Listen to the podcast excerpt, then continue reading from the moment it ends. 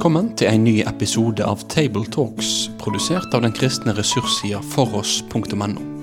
På foross.no får du tilgang til tusenvis av solide, oppbyggelige og korsforankra ressurser. Vil du være med og støtte dette arbeidet økonomisk? Da kan du gjerne gi de gaver til Foross på VIPS nummer 70979. Vi håper at du setter pris på dagens episode av Tabletalks. Vel møtt til en ny episode Tabletalks her fra Rogaland. Og eh, i dag så er det som vanlig da, Sofie Braut som er kommentator i dagen. Det er Håvard Høie som er prest i Gandalen. Og så er det Vidar Søyland Pettersen som er sogneprest på Nærbø. Eh, og vi skal snakke om eh, teksten fra Lukas 2 og vers 36 til 39. Og jeg kan jo nevne det at eh, hvis dere går inn på bibel.no og ser på tekstrekken der, så er det bare til 38. Eh, men vi følger Nelk sine tekstrekker, og der kommer også vers 39 med. Så har dere forklaringa på hvorfor det verset eh, er med. Og så kan jeg også nevne at eh, i tekstrekken i Den norske kirke iallfall, så så kommer ikke denne teksten på en gudstjeneste. Og det tror jeg har litt med eh, med når julaften havner og, og, nyttårsdagen og sånne ting. Eh, for det her er romjulssøndag. Eh, men det betyr jo ikke at dere ikke kan få noe ut av det for det. Så eh, da eh, leser jeg dagens bønn, og så skal eh, Sofie få lese teksten for oss. Dagens bønn for romjulssøndag. Nådige Gud, du lot din sønn bli et sårbart menneske. Vi ber deg, trøst oss som ei barmhjertig mor, vern alle som er på flukt, og la oss se friheten og frelsen i Jesus Kristus, som med deg og Den hellige ånd lever og råder, en sann Gud fra evighet til evighet. Amen. Det var ei profetkvinne der, Anna, datter til Fanuel, av Asher-stammen. Hun var langt oppe i åra. I ungdommen var hun gift i sju år, og siden hadde hun vært enke. Hun var 84 år. Hun hadde aldri vært borte fra tempelet, men tjente Gud i faste og bønn natt og dag.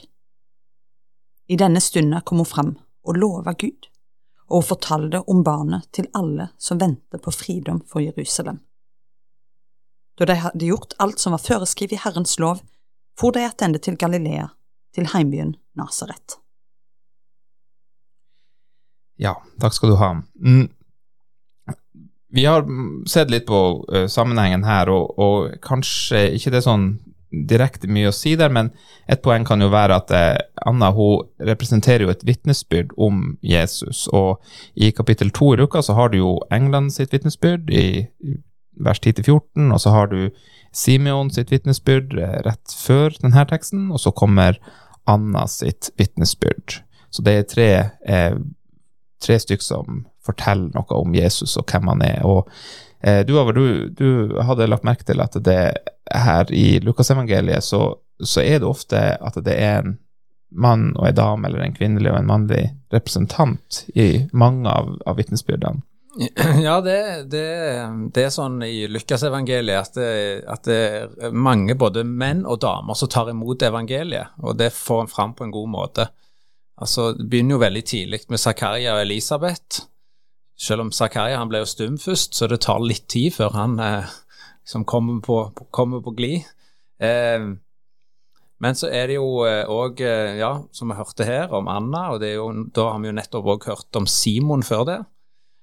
Så er det videre, så har du Jesus eh, som forteller om eh, denne enka fra Serepta, og òg Naman, som, var, som, tok imot i det, i det gamle testamentet.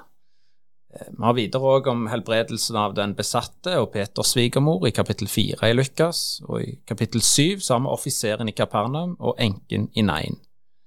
Og i samme kapittel Simon og den syndefulle kvinnen, og òg helt mot slutten, med oppstandelsen, så er det jo kvinnene ved graven og Emmaus-disiplene. Så det viser at det er både menn og kvinner som tar imot evangeliet, og det får lykkes fram på en spesiell måte, da. Og det kommer jo tydelig fram her med, med både Zakaria og Nei, ikke Zakaria, men Simon og Anna som, er, som venter, på, venter på Messias. Mm, Det er jo litt sånn eh, Det, det er jo et poeng akkurat det der at, eh, at eh, kanskje kvinner i, i, eh, i Lukas evangeliet får ei rolle som vel ikke er vanlige i tekster fra denne tida. Så det er jo si, det er jo et sånn apropos til alle som mener at kvinne, altså Bibelen er så kvinnefiendtlig og kvinneundertrykkende. Så jo akkurat det mønsteret der er ganske oppbyggelig, tror jeg, ikke bare for oss eh, kvinner, men eh, egentlig for, for alle som ønsker å ha tillit til Bibelen. Mm. Ja, og, og eh, absolutt. Og, og her er det jo eh, også en sammenligning av eh, det her de her to i tempelet, Anna og Simon, som, som begge to var gamle. De eh, levde hellige liv, de levde knytta til tempelet. Eh, de venta på Guds frelse, og de hadde også den, den samme evnen til å, å kjenne igjen eh, frelseren. Og, og det er jo et poeng, tror jeg, her, at hun, hun her hadde en sånn hun, hun så hvem Jesus var, egentlig kanskje på, på tross av forutsetningen, eller ikke forutsetningen, men eh, hvordan det så ut da, Mm. liksom, på tross av det synlige. Ja, for det er jo egentlig fascinerende at du Ja, det er jo bare troens øye ser det, er vel en sånn, et godt uttrykk for akkurat det. At hun har, har vært sett til side i denne her tjenesten i, i bønn, og, og gjenkjenner Jesus eh, Altså, alle som har sett en del babyer, vet at de kan se ganske like ut. Alle syns jo sin egen er, er liksom aller finest og alt sånt, og sikkert er veldig annerledes enn alle andre, men allikevel, det, det er jo egentlig et uh, interessant poeng i teksten òg, at hun liksom bare Hun vet hvem han er. Det er jo ikke bare sånn ytre syn, liksom, det er jo hennes uh, tru som gjenkjenner Jesus her. Mm. Ja, og, det, og eksempel de skriftlærde, sant? de ser jo ikke dette, selv om de kunne hele Det gamle testamentet på rams. Så, så det viser jo noe om at hun Dette er ei lydtørr dame. Det står jo at hun hadde vært gift i, i sju år, og, eh, så hadde hun vært enke i veldig mange år. Eh, og nå var hun 84 år, så dette var ei dame som har virkelig brukt mye av sin tid til å tjene Gud i faste og bønn, natt og dag, står det. Så hun har gått inn i en spesiell tjeneste, på en måte, en bønnetjeneste. Mm. Ja, og, og vi skal si det litt sånn karikert, så kan vi jo si liksom at hun, hun hadde jo en veldig sånn tydelig kristen tjeneste, men, men det handla ikke om å eh, stå på kjøkkenet og lage mat, og det handler ikke om å liksom organisere eller administrere eller ta telefoner og få folk på kirkekaffelista, men, men hun gikk inn i en tjeneste som handla om, om bønn og faste, og, og det portretteres jo her som noe veldig positivt, Mm. noe godt.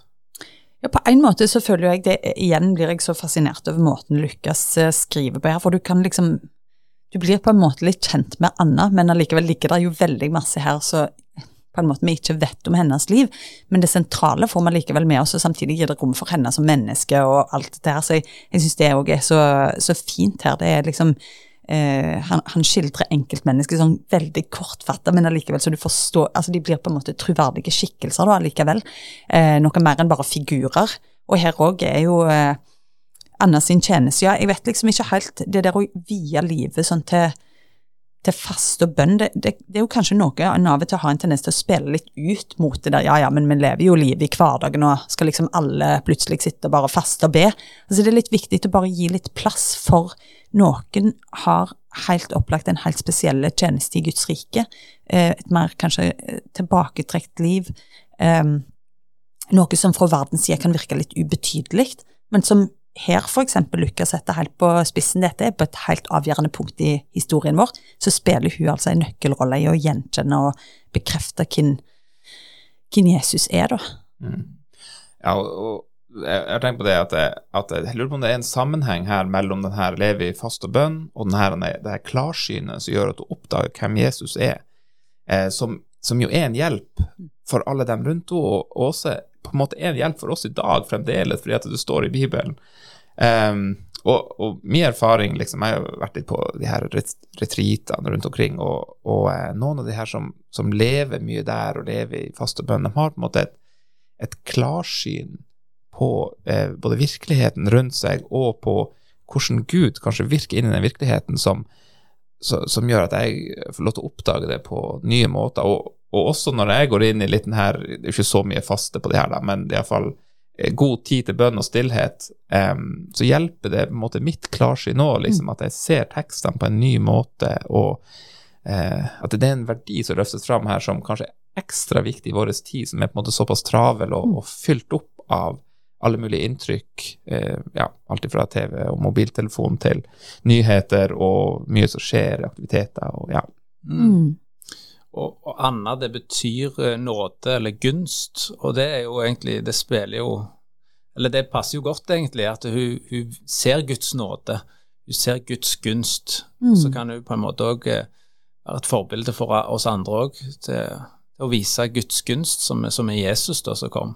Ja, og den der dynamikken òg. Selv om dette er en veldig kort tekst, så åpner den jo liksom opp et helt liv her, på en måte, hvordan det har utspilt seg gjerne sitt liv. Og da er det én ting at Guds nåde blir bare gitt oss, det vet vi jo, men ja, historien om Anne gir oss jo en anledning til å dvele over det, eh, liksom, det å åpne seg for det, å gi plass for eh, å gi plass på en måte for Gud sitt arbeid gjennom oss. da.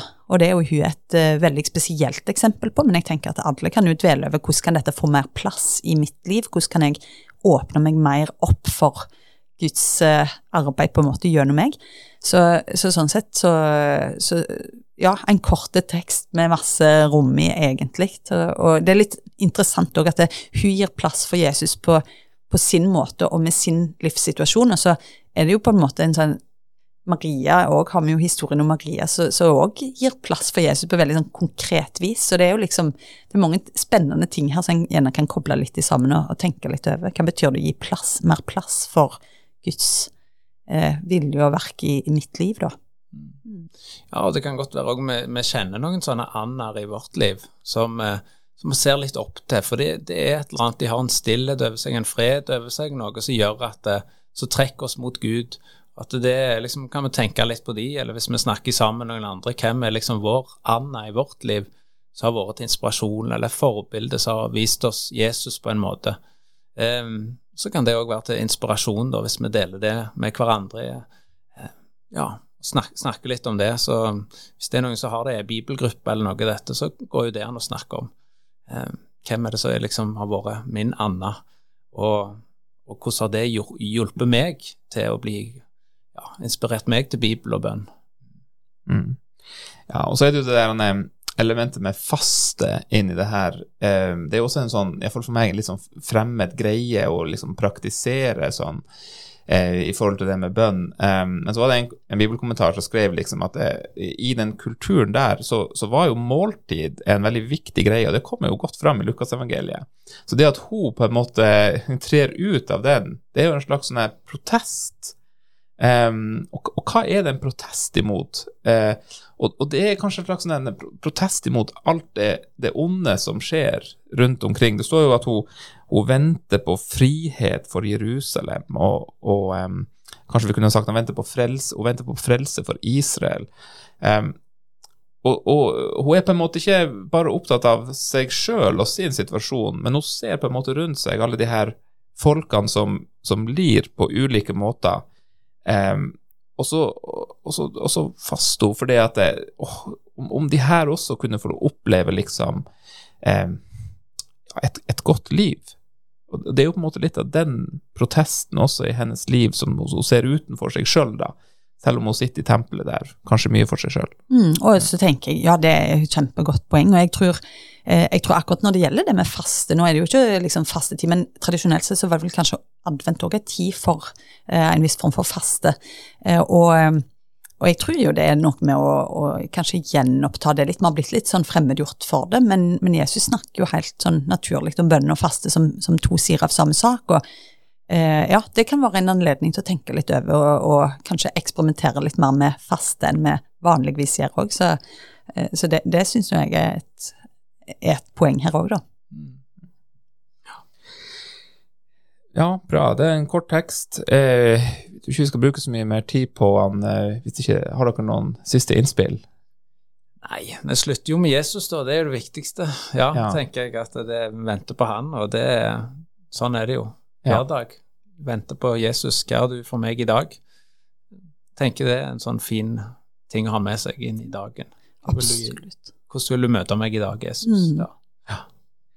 Flott. Det kan vi ta med som avslutning. Og så er det jo ingen som eh, skal forkynne over den i, i, i de, av de som følger tekstrekken, iallfall. Men eh, jeg håper jo at det kan bli eh, Sette i gang noen tanker for eh, dere som bruker Tabletalksen eh, likevel. Så takker vi for oss fra Stavanger. Da vil vi si takk for at du valgte å få med deg denne episoden av Tabletalks, produsert av den kristne ressurssida foross.no. Driftinga og utviklinga av nettsida vår den er avhengig av gode og trufaste støttespillere. Vil du gi ei gave til dette arbeidet? Da kan du gi den via VIPS nummer 70929, eller så kan du besøke foross.no for mer informasjon om å kunne bli en fast giver. Ha en god dag videre.